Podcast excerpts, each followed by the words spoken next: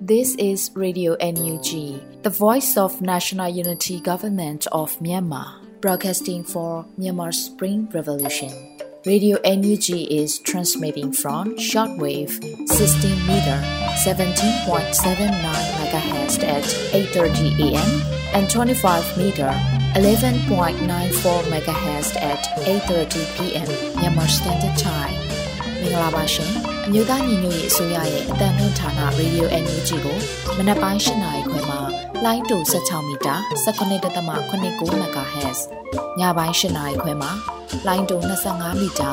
17.6 MHz တို့မှာဓာတ်ရိုက်ဖမ်းယူနိုင်စေနိုင်ပါရှင်။မင်္ဂလာအပေါင်းနဲ့ပြည့်စုံကြပါစေ။အခုချိန်ကစပြီး Radio NUG အစီအစဉ်လေးကိုဓာတ်ရိုက်အတန်လွှင့်ပေးနေပါပြီရှင်။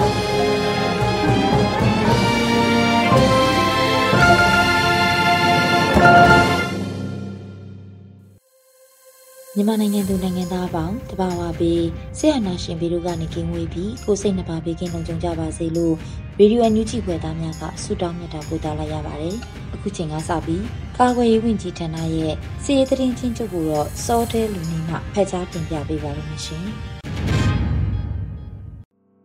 မင်္ဂလာပါ။အမျိုးသားညီညွတ်ရေးအစိုးရ ကာကွယ်ရေးဝန်ကြီးဌာနမှ၄ရက်9လ2022အတွက်ထုတ်ဝေသောနိုင်စဉ်စီရေးသတင်းအကျဉ်းချုပ်များကိုစတင်ဖတ်ကြားပေးပါမယ်။စစ်ကောင်စီတပ်သား18ဦးသေဆုံးပြီး15ဦးဒဏ်ရာရရှိခဲ့ကြောင်းသတင်းရရှိပါရခင်ဗျာ။စစ်ကောင်စီနဲ့တိုက်ပွဲဖြစ်ပွားမှုများမှာကရင်ပြည်နယ်တွင်စက်တင်ဘာလ3ရက်နေ့ညနေ4:30ခန်းကလိုင်ကော်မြို့နယ်ထီတူကူရွာအနီးတွင်တပ်ဆွဲထားသည့် စစ်ကောင်စီတပ်အား KNDF B50 မှဒရုန်းဖြင့်တိုက်ခိုက်ခဲ့ရာစစ်ကောင်စီတပ်သား2ဦးထပ်မံထိခိုက်ဒဏ်ရာရရှိခဲ့ကြောင်းသတင်းရရှိပါရခင်ဗျာစက်တင်ဘာ3ရက်နေ့နေ့လယ်တနာရီခန့်ကရှားတော်မြို့နယ်ရှားတော်မြို့အတွင်းရှိစစ်ကောင်စီကင်းမုံစခန်းတစ်ခုဟာ KA KNDF B17 တို့မှအလစ်အငိုက်ဝင်ရောက်တိုက်ခိုက်ခဲ့ရာစစ်ကောင်စီတပ်သား2ဦးသေဆုံးပြီးဒဏ်ရာအများပြားရရှိခဲ့ကြကြောင်းသတင်းရရှိပါရခင်ဗျာ စက်တင်ဘာလ3ရက်နေ့နေ့လယ်2နာရီခန့်ကဒီမော့ဆိုမြို့နယ်ဘက်မှဖရူဆိုမြို့နယ်ဘက်သို့လာသောစစ်ကောင်စီရိတ်ခါတင်ရနန်းအား KNDF B15 မှကဒါလာချေရွာအနီးတွင်ချုပ်ခိုးတိုက်ခိုက်ခဲ့ရာစစ်ကောင်စီကားတစ်စီးပျက်စီးပြီး၃ဦးထပ်မံထိခိုက်ဒဏ်ရာရရှိခဲ့ကြောင်းသတင်းရရှိပါရခင်ဗျာချင်းပြည်နယ်တွင်စက်တင်ဘာလ3ရက်နေ့နေ့လယ်တနာရီခွဲခန့်ကဟာခါမြို့နယ်ဟာခါမြို့အနီး Real U တင်ញိုင်တွင်စစ်ကောင်စီတပ်နှင့် CDF ပူးပေါင်းတပ်တို့တိုက်ပွဲဖြစ်ပွားခဲ့ရာ စစ်ကောင်စီတပ်သားများမှနန်း CDM ဝန်ထမ်း2ဦးနှင့်စပစ်ချံလုပ်သား10ဦးကိုဖမ်းဆီးကာလူသားတိုင်းအဖြစ်အသုံးပြုခဲ့ကြောင်းတင်ပြရရှိပါရခင်ဗျာ။စကိုင်းတိုင်းတွင်စက်တင်ဘာလ3ရက်နေ့မနက်7:00နာရီခွဲခန့်ကမြင်းမှုမြို့နယ်ရဲစခန်းဝင်းထဲတွင်ကင်းဆောင်နေသောစစ်ကောင်စီတပ်သားနှင့်ရဲများကိုဝါလေးလုံးဖျားအနီးမှဇီရိုပျောက်ကြားအဖွဲ့မြင်းကျန်နှင့် True Fighter အဖွဲ့တို့မှပူးပေါင်း၍လက်ပစ်ဗုံးနှင့်တိုက်ခိုက်ခဲ့ရာစစ်ကောင်စီတပ်သားတအူးသေဆုံးပြီး3ဦးစေကူတာမှုခံယူခဲ့ရကြောင်းတင်ပြရရှိပါရခင်ဗျာ။ စက်တင်ဘာလ3ရက်နေ့ည9:00နာရီခန့်ကမြဲမှုမြို့နယ်မြမစီးပွားရေးဘဏ်တွင်တပ်ဆွဲထားသောစစ်ကောင်စီတပ်သားများကိုဒေသခံပြည်သူ့ကာကွယ်ရေးတပ်ဖွဲ့များမှလက်ပစ်ဗုံး၃လုံးဖြင့်ဖောက်ခွဲတိုက်ခိုက်ခဲ့ကြောင်းတင်ရရှိပါရခင်ဗျာ။ စက်တင်ဘာလ3ရက်နေ့မနက်၈နာရီခွဲခန့်ကရွှေပူမြို့နယ်တောင်ဘက်ဘုံဘွယ်ကျေးရွာနေတွင်စစ်ကောင်စီထောက်ပို့ရင်းနှန်းကိုပြည်သူ့ကာကွယ်ရေးတပ်မတော်ရွှေပူခရိုင်တပ်ရင်း23ရွှေပူ Defense Force SPDF မြန်မာ Defense Force MDF ရွှေပူနှင့်ရွှေကျိုးပြူပြောက်ကြားတပ်ဖွဲ့တို့ပူးပေါင်း၍ပဒေသာမိုင်း၁၀လုံးဖြင့်မိုင်းဆွဲတိုက်ခိုက်ခဲ့ရာစစ်တပ်ဘိန်းကားတစ်စီးကိုထိမှန်ခဲ့ကြောင်းတင်ရရှိပါရခင်ဗျာစက်တင်ဘာလ3ရက်နေ့နေ့လယ်12နာရီခန့်ကကမ်ဘလူမြို့နယ်ကာဘိုးကျေးရွာနောက်ထိပ်တွင် စစ်ဆေးရေးဂိတ်ဖွင့်ပြီးပြည်သူများကိုဖမ်းဆီးငွေညှစ်နေသောစစ်ကောင်စီတပ်သားများနှင့်ပြည်စောတိ15ဦးခန့်ရှိသောဂိတ်ကိုပြည်သူ့ကာကွယ်ရေးတပ်မတော်တပ်ရင်းခုနှစ်ပြည်သူ့လုံခြုံရေးအဖွဲ့နှင့်မြောက်ပိုင်းမဟာမိတ်ဒူဝန်တို့ကစီးနှင်းတိုက်ခိုက်ခဲ့ရာစစ်ကောင်စီတပ်သား၄ဦးသေဆုံးပြီး6ဦးဒဏ်ရာရရှိခဲ့ကြောင်းသတင်းရရှိပါရခင်ဗျာတနင်္လာရီတိုင်းတွင်စက်တင်ဘာလ3ရက်နေ့မနက်9:45ခန်းက ဒဝယ်မြို့နယ်ပခတ်ရွာအနီးတွင်စစ်ကောင်စီတပ်စစ်ကြောင်းအားပြည်သူ့ကာကွယ်ရေးတပ်ဖွဲ့ဒဝယ်နှင့်မဟာမိတ်အဖွဲ့များကတိုက်ခိုက်ခဲ့ရာစစ်ကောင်စီတပ်သား10ဦးထပ်မံတေဆုံးသွားခဲ့ကြောင်းသတင်းရရှိပါရခင်ဗျာစက်တင်ဘာလ3ရက်နေ့ညနေ4:40ခန်းကဗုတ်ပြင်းမြို့နယ်တွင်ဆိုင်ကယ်များဖြင့်လုံခြုံရေးကင်းလှည့်လာသည့်စစ်ကောင်စီတပ်သားများအား Flying Star အဖွဲ့နှင့်ဂျိုကာပျောက်ကြားအဖွဲ့မှနန်းထိုင်အောင်စစ်စင်ရေးဖြင့်ကြားဖြတ်တိုက်ခိုက်ရာစစ်ကောင်စီတက်ချက်ကြီးအဆင့်တအူးသေဆုံးပြီးတအူးပြင်းထန်စွာတရားရရှိခဲ့ကြောင်းတင်ရရှိပါရခင်ဗျာ စစ်ကောင်စီကျူးလွန်သောရာဇဝတ်မှုများမှာစကိုင်းတိုင်းတွင်စက်တင်ဘာလ၄ရက်နေ့မနက်10:29ခန်းကမြောင်မြို့နယ်ပန်းညုံကိုကျွော်သို့စစ်ကောင်စီတပ်သားများဝင်ရောက်ခဲ့ပြီးနေအိမ်များကိုမိရှုဖျက်ဆီးခဲ့ကြောင်းတင်ရရှိပါရခင်ဗျာစက်တင်ဘာလ၄ရက်နေ့မနက်8:19ခန်းကမြောင်မြို့နယ်ပန်းညိုကျေးရွာသို့စစ်ကောင်စီတပ်သားများလက်နက်ကြီးလက်နက်ငယ်များဖြင့်ပစ်ခတ်ဝင်ရောက်ခဲ့ကညောင်ကားရကျေးရွာမှမတ်ရွှေစင်အေးလက်မောင်းအား ကြီးစံထိမှန်ခဲ့ကြောင်းတင်ရရှိပါရခင်ဗျာစက်တင်ဘာလ3ရက်နေ့ညနေပိုင်းကကလေးမြို့နယ်သို့ပြန်လာသောစစ်ကောင်စီတပ်သားများကအပြန်လန်းပေါ်ရှိအင်းနိုင်ကုန်းမွန်တာရွာစက္ကန့်နှင့်လက်ပတ်ကုန်းစားသောကျေးရွာများမှဒေသခံပြည်သူများကိုအကြောင်းမဲ့ပစ်ခတ်ခဲ့သောကြောင့်တအူးသေဆုံးခဲ့ပြီး၄ဦးပြင်းထန်စွာဒဏ်ရာရရှိခဲ့ကြောင်းတင်ရရှိပါရခင်ဗျာ စက်တင်ဘာလ3ရက်နေ့နေ့လယ်2နာရီခန့်ကမင်းကင်းမြို့နယ်ကုန်းမော်ကျေးရွာသို့စစ်ကောင်စီတပ်သားများဝင်ရောက်လာခဲ့ပြီးဘုံကြီးကျောင်းတွင်တိမ်းရှောင်နေသောအမျိုးသမီးကလေးငယ်များအပါအဝင်ပြည်သူ10ဦးကိုဖမ်းဆီးခေါ်ဆောင်သွားခဲ့ကြောင်းတင်ရရှိပါရခင်ဗျာစက်တင်ဘာလ3ရက်နေ့မနက်9နာရီခန့်ကစကိုင်းမြို့နယ်စကိုင်းမြို့နန်းဦးမြို့တေရက်ကွက်ရွှေနန်းတော်လက်ဖေးဆိုင်ကိုအရက်ဝတ်ဖြင့်စစ်ကောင်စီအဖွဲ့ကအိမ်စည်းကား၅စီးဖြင့်ဝင်ရောက်စီးနှင်ခဲ့ပြီးစိုင်တွင်းမှလူအလုံးကိုမှောက်ခိုင်းခဲ့က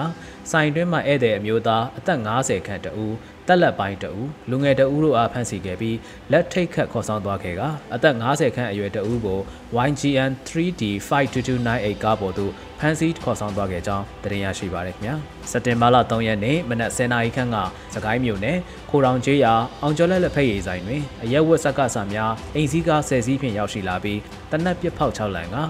မင်းကွန်းလက်ပံရွာဘက်မှဆိုင်ကယ်ဖြင့်လာပြီးကွန်းရွာဝဲနေသူနှစ်ဦးခိုတောင်ရွာမှကိုဝင်းမင်းဟိန်ဟိုးဟိုးကျော်ထမင်းနဲ့မုတ်ဒီဇိုင်းကိုမိုးအောင်ဝတ်သားတဲ့တဦးစုစုပေါင်း9ဦးကိုဖမ်းဆီးခဲ့ကြောင်းတင်ရရှိပါရခင်ဗျာမကွေးတိုင်းတွင်စက်တင်ဘာလ4ရက်နေ့ကမင်းတို့မြို့နယ်လက်ပွားကျေးရွာသို့ဝင်ရောက်လာသောစစ်ကောင်စီစစ်ကြောင်းဟာလက်ပွားကျေးရွာအတင်းရှိပြည်သူများ၏ဖုန်းအားလုံးကိုတင်ဆက်စစ်ဆေးခဲ့ပြီးအမျိုးသားလူငယ်များအားတန်ပိုက်တုံများဖြင့်ရိုက်နှက်ခဲ့ရာဖမ်းဆီးရိုက်နှက်ခံရသူများတွင်အရေးပြားများအရေးကွန်များပေါက်ပြဲဒဏ်ရာရရှိခဲ့ပြီး လက်ရှိတွင်ဖမ်းဆီးခံပြည်သူ40ခန့်ရှိကြောင်းတင်ရရှိပါရခင်ဗျာစက်တင်ဘာလ3ရက်နေ့ကကန့်ကော်မြို့နယ်ခလာရ90ဘက်မှထွက်လာသောစစ်ကောင်စီစစ်ကြောင်းများကဒေသခံပြည်သူများအားလမ်းပြခေါ်ဆောင်ခြင်းနှင့်လူသားတိုင်းအဖြစ်အသုံးပြုခြင်းများပြုလုပ်လျက်ရှိကြောင်းတင်ရရှိပါရခင်ဗျာ။အန်ဒလေးတိုင်းတွင်စက်တင်ဘာလ3ရက်နေ့နေ့လယ်3:30ခန်းကပြည်ကြီးတကုံမြို့နယ်တကွန်တိုင်းအဝိုင်း84လမ်းရန်ကုန်မန္တလေးအမြန်လမ်းအထွက် Garden City အိမ်ရအနီးတွင်လူငယ်2ဦးအားအရက်ဝတ်ဖြင့်စက္ကစများမှ ဖမ်းဆီးခံရချိန်တွင်လူငယ်2ဦးနှင့်2ဦးမှာရေမြောင်းထဲသို့ခုန်ဆင်းပြီးရေကူးထွက်ပြေးရာစက္ကစများမှပစ်ခတ်ချိန်တွင်ခြေထောက်အားထိမှန်ပြီးဖမ်းဆီးခံလိုက်ရလျက်ကြံတဦးမှလွတ်မြောက်သွားခဲ့ကြောင်းတင်ရရှိပါရခင်ဗျာ။တနင်္လာရီတိုင်းတွင်စက်တင်ဘာလ3ရက်နေ့ညနေ6:23ခန်းကဒဝယ်မြို့နယ်ညောင်ရမ်းတောင်ရက်ကွက်တောင်ပေါ်သားကားဝဲရှော်နဘေးတွင်တီဟိုစီကိုတောင်တွင်အလုပ်လုပ်နေသောလူငယ်၈ဦးအားစစ်ကောင်စီမှဝင်ရောက်ဖမ်းဆီးကာရိုက်နှက်စစ်ဆေးခဲ့ကြောင်းတင်ရရှိပါရခင်ဗျာ။ယခုသတင်းများကိုမြေပြင်သတင်းတာဝန်ခံများနှင့်သတင်းဌာနများမှဖော်ပြလာသောသတင်းများအပေါ်တွင်အခြေခံ၍ပြုစုထားခြင်းဖြစ်ပါတယ်။ ကျွန်တော်သတင်းကြေညာသူဇော်ဒက်စ်လူနေပါခင်ဗျာ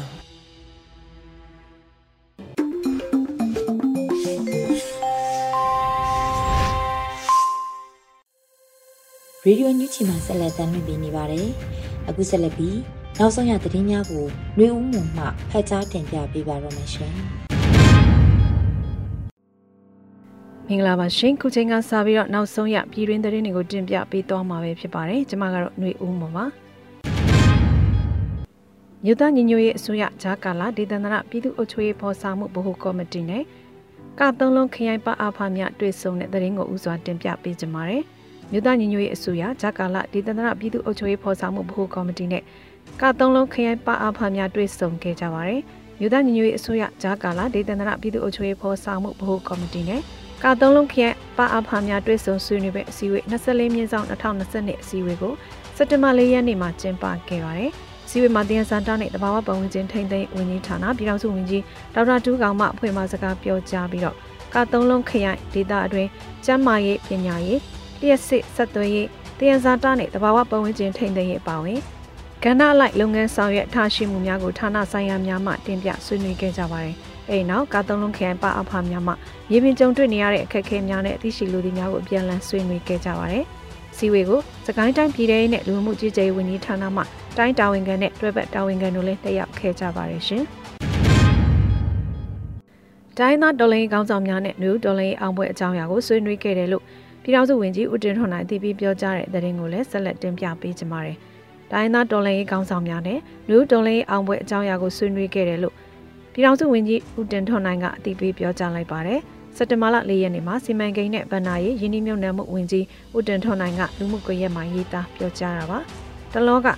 တိုင်းသားဒေါ်လာရေးခေါင်းဆောင်များနဲ့အရေးကြီးကိစ္စတချို့တိုင်ပင်ဆွေးနွေးဆုံးဖြတ်ဖြစ်ကြတယ်။တမတ်ရွယ်ထားတဲ့အချိန်တစ်ခုမှပြည်သူလူထုလူလားတောင်းတတဲ့အောင်ပွဲကိုရယူနိုင်မှုဆိုရင်လိုအပ်တဲ့ဗန်နာရဲမငွေချိန်မီရနိုင်မရနိုင်ကအရင်စပြီးဆွေးနွေးဖြစ်ပါတယ်လို့ဆိုပါတယ်။2021ခုနှစ်စက်တင်ဘာလ9ရက်နေ့ကစတင်တဲ့ပြည်သူ့ခုခံတွန်းလှန်စစ်ဟာ2022ခုနှစ်စက်တင်ဘာ9ရက်နေ့မှာတစ်နှစ်ပြည့်မြောက်မှာဖြစ်ပါတယ်။လက်ရှိမှာ2023စစ်ကောင်စီရဲ့ရွေးကောက်ပွဲမတိုင်မီနယူးဒေါ်လာကိုပြီးတက်မယ်လို့ပြည်ထောင်ဝင်ကြီးကဆိုထားပါတယ်ရှင်။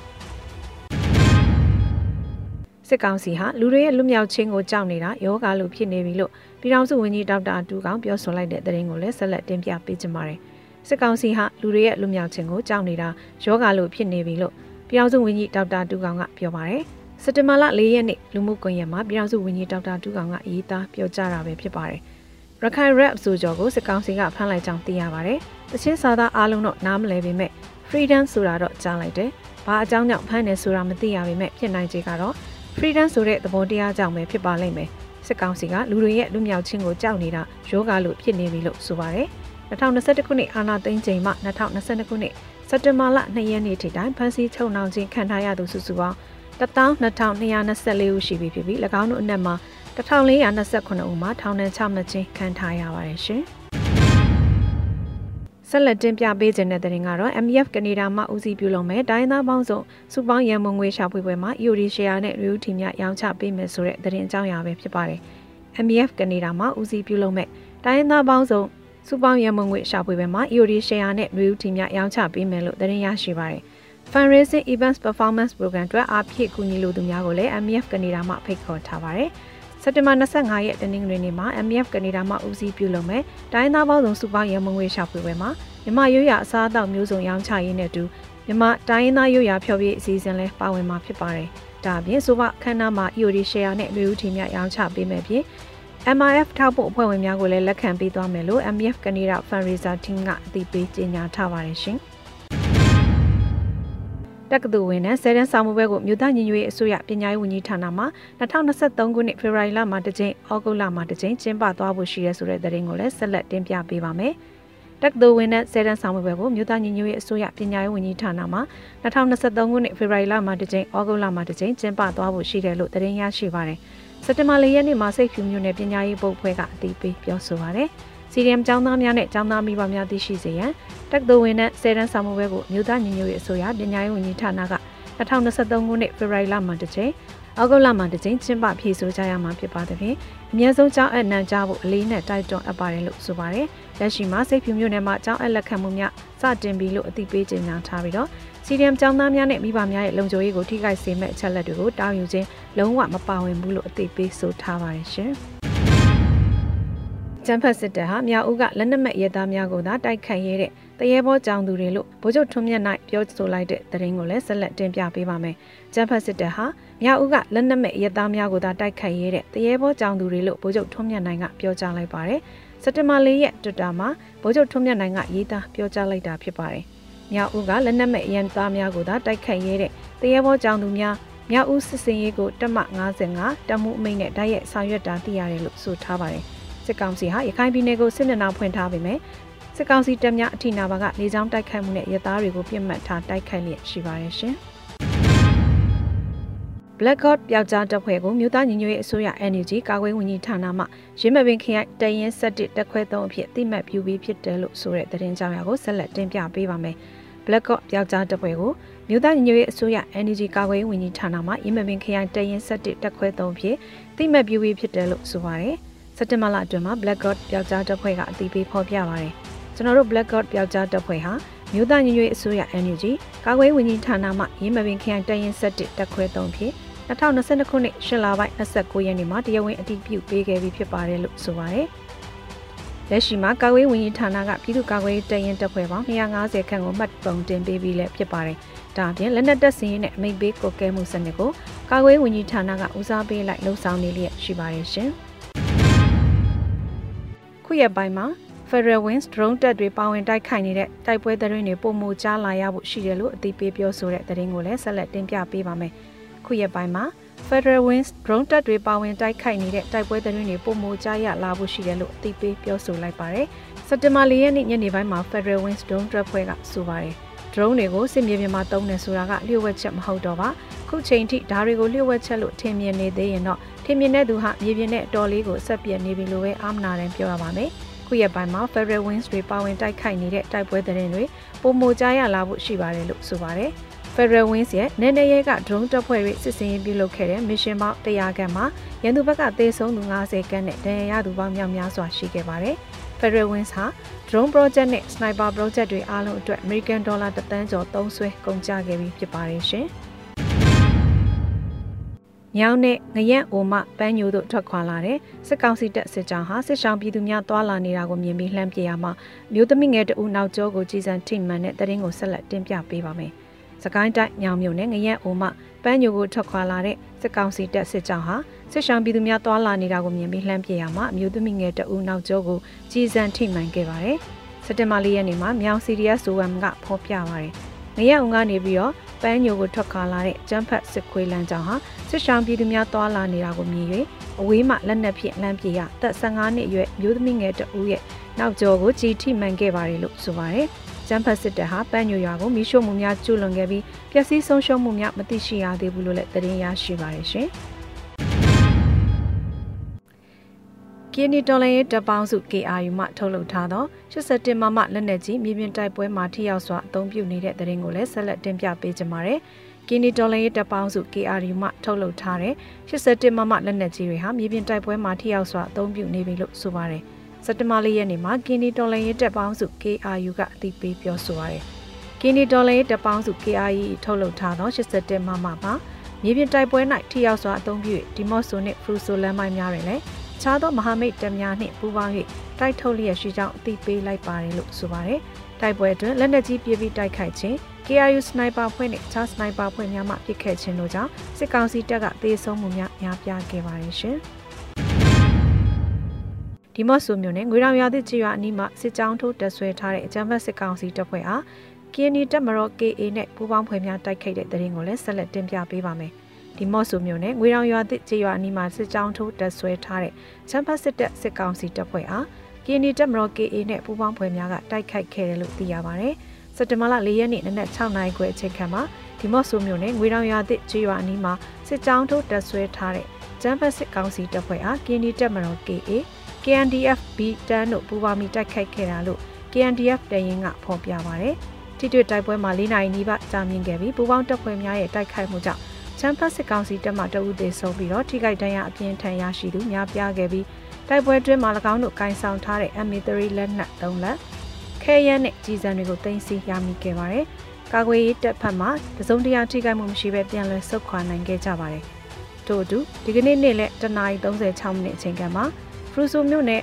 ဒေါ်ညီခုကျေးရွာနဲ့ထီဘော့ဆူကျေးရွာများအနီးမှာစစ်ကြောင်းထုတ်တပ်ဆွဲထားတဲ့စစ်ကောင်စီတပ်ဖွဲ့ကို KA KNDF B04 B15 တို့ပူးပေါင်းပြီးနှစ်နာရီကျော်ကြာတိုက်ခိုက်ခဲ့ပြီးစစ်ကောင်စီဘက်မှထိခိုက်သေးဆုံးမှုများရှိနိုင်ပြီးတော့ပူးပေါင်းတပ်ဖက်မှထိခိုက်မှုမရှိပြန်လည်ဆုတ်ခွာနိုင်ခဲ့ပါတယ်။အထက်ပါထိတွေ့တိုက်ပွဲများမှာအကြမ်းဖက်စစ်ကောင်စီတပ်ဖက်မှအထိနာပြီးလက်နက်ကြီးများလွန်ကျွံသုံးပြပစ်ခတ်ခဲ့ပြီးတော့လက်ရှိချိန်မှာလည်းဒီမော့ဆူဖရူဆိုလမ်းမကြီးတစ်လျှောက်စစ်ကြောင်းထုတ်တပ်ဆွဲခြင်းများလှုပ်ဆောင်လျက်ရှိပြီးနေ့စဉ်ဒီပါထိတွေ့တိုက်ပွဲများဖြစ်ပွားနေပါတယ်ရှင်။ခုတင်ပြပေးခဲ့တဲ့သတင်းတွေကိုတော့ Radio Energy သတင်းတောက်မင်းမင်းကပေးပို့ထားတာပဲဖြစ်ပါတယ်ရှင်။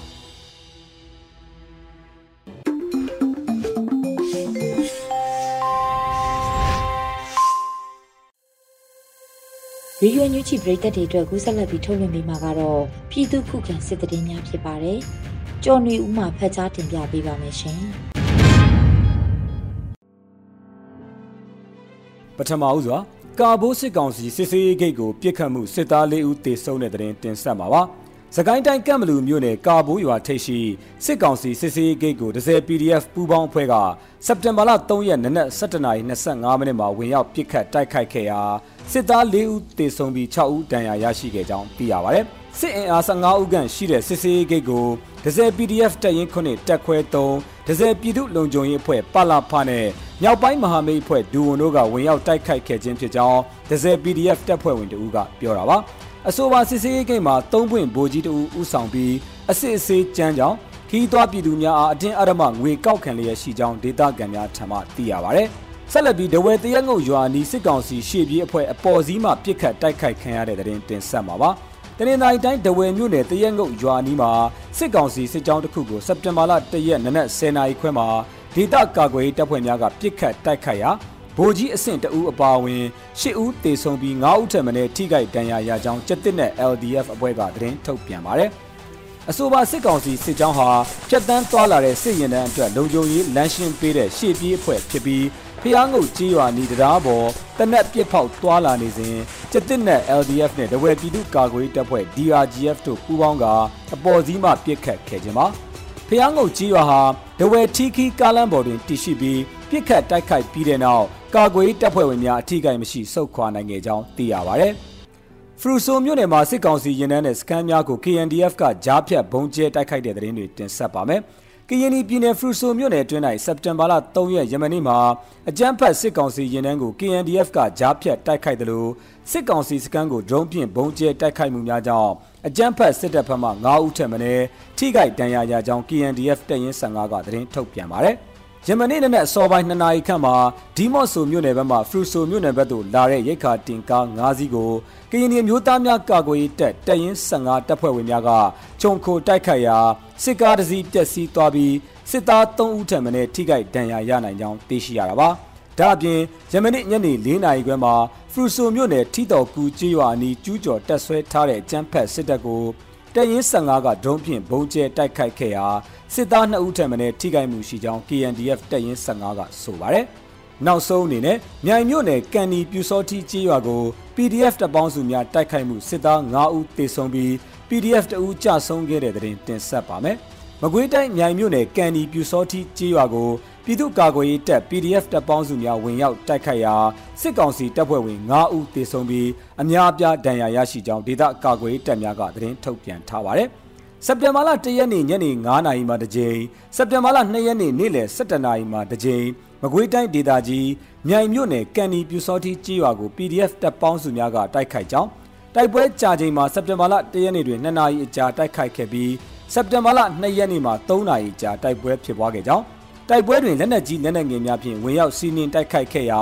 တိုက်ပွဲမှာပြင်းထန်ကြောင်းစစ်တပ်ဘက်မှစနိုက်ပါတပ်သားတအုပ်အပါအဝင်9ဦးသေဆုံးကြောင်းစစ်သားအများအပြားဒဏ်ရာရရှိပြီး PDF ရဲဘော်တအုပ်ကြဆုံးခဲ့ရကြောင်းသိရှိရပါတယ်ခင်ဗျာ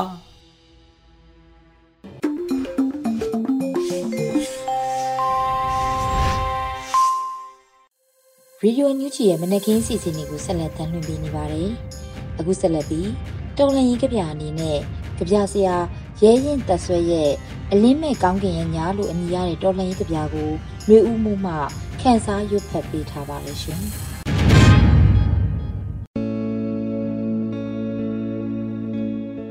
လင်းမဲ့ကောင်းကင်ရိပ်ညအသက်သွေးချွေမျက်ရည်စမြ အလင်းပြောက်ကောင်းကင်အောက်မှာအစိမ်းရောင်ဝတ်ယုံများနဲ့လိုင်စင်ရတားတက်သမားများလက်ထဲယုံကြည်မှုတစ်ခုအတွက်အသက်ပေးသွားကြတဲ့သူရဲ့ကောင်းများတဏှာကြီးမဟုတ်ခဲ့ဘူးအမေငိုနေလားချစ်သူမျက်ရည်ဇက်များနဲ့ကြေကွဲမှုမီးအိမ်ကိုထုံးညှိနေသလားဂုံယူလိုက်စမ်းပါ ကျဲတွေကြွေတဲ့လမ်းမှာငင်းဖို့တော့အချိန်မရလိုက်တဲ့အခြေအနေစိုးကြီးကိုအလိုမတူပဲလက်ခံလိုက်ရတဲ့ညစောင်းတီးမပြတ်တဲ့နီရိုးဘရင်လိုလူစားများကလွဲလို့လူမသေးဘူးတဲ့အိမ်ကမုံညင်းစိတ်ရှာတယ်လို့မျိုးသွေးနဲ့ကိုသားနဲ့ကိုနာကြီးခဲ့ရတဲ့ညပါ33နှစ်လုံးလုံး Brutus လိုလူတွေကြားမှာအဲ့ဒီညနောက်တစ်ချိန်မကြုံရအောင်ဘဝအများစွာပေးဆက်နေရင်းနဲ့ဆာဝီလီယံရဲ့နောက်ဆုံးနှုတ်ထွက်စကားလွတ်လပ်ရေးဆိုတဲ့အတန်သာအကြိမ်ကြိမ်ကြားနေမိတော့တယ်ညကတော့ကုံနိုင်တယ်လို့ရမရှိတော့ဘူးရဲရဲတက်ဆွဲ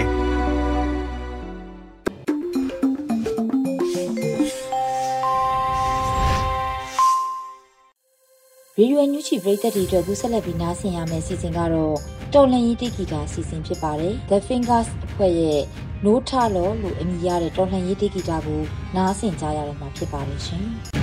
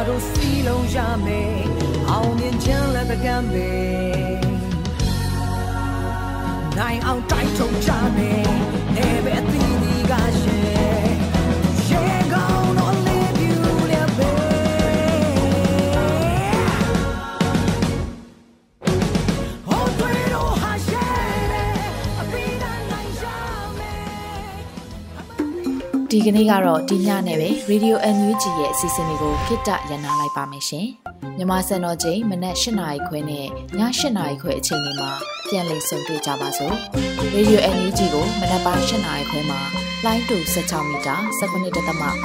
MHz ညပိုင်း၈နာရီခွဲမှာလိုင်းတူ25မီတာ17.6 MHz တို့မှာဓာတ်ရိုက်ဖမ်းလို့နိုင်စေနိုင်ပါပြီ။ မြန်မာနိုင်ငံသူနိုင်ငံသားတွေကိုစိတ်နှပြ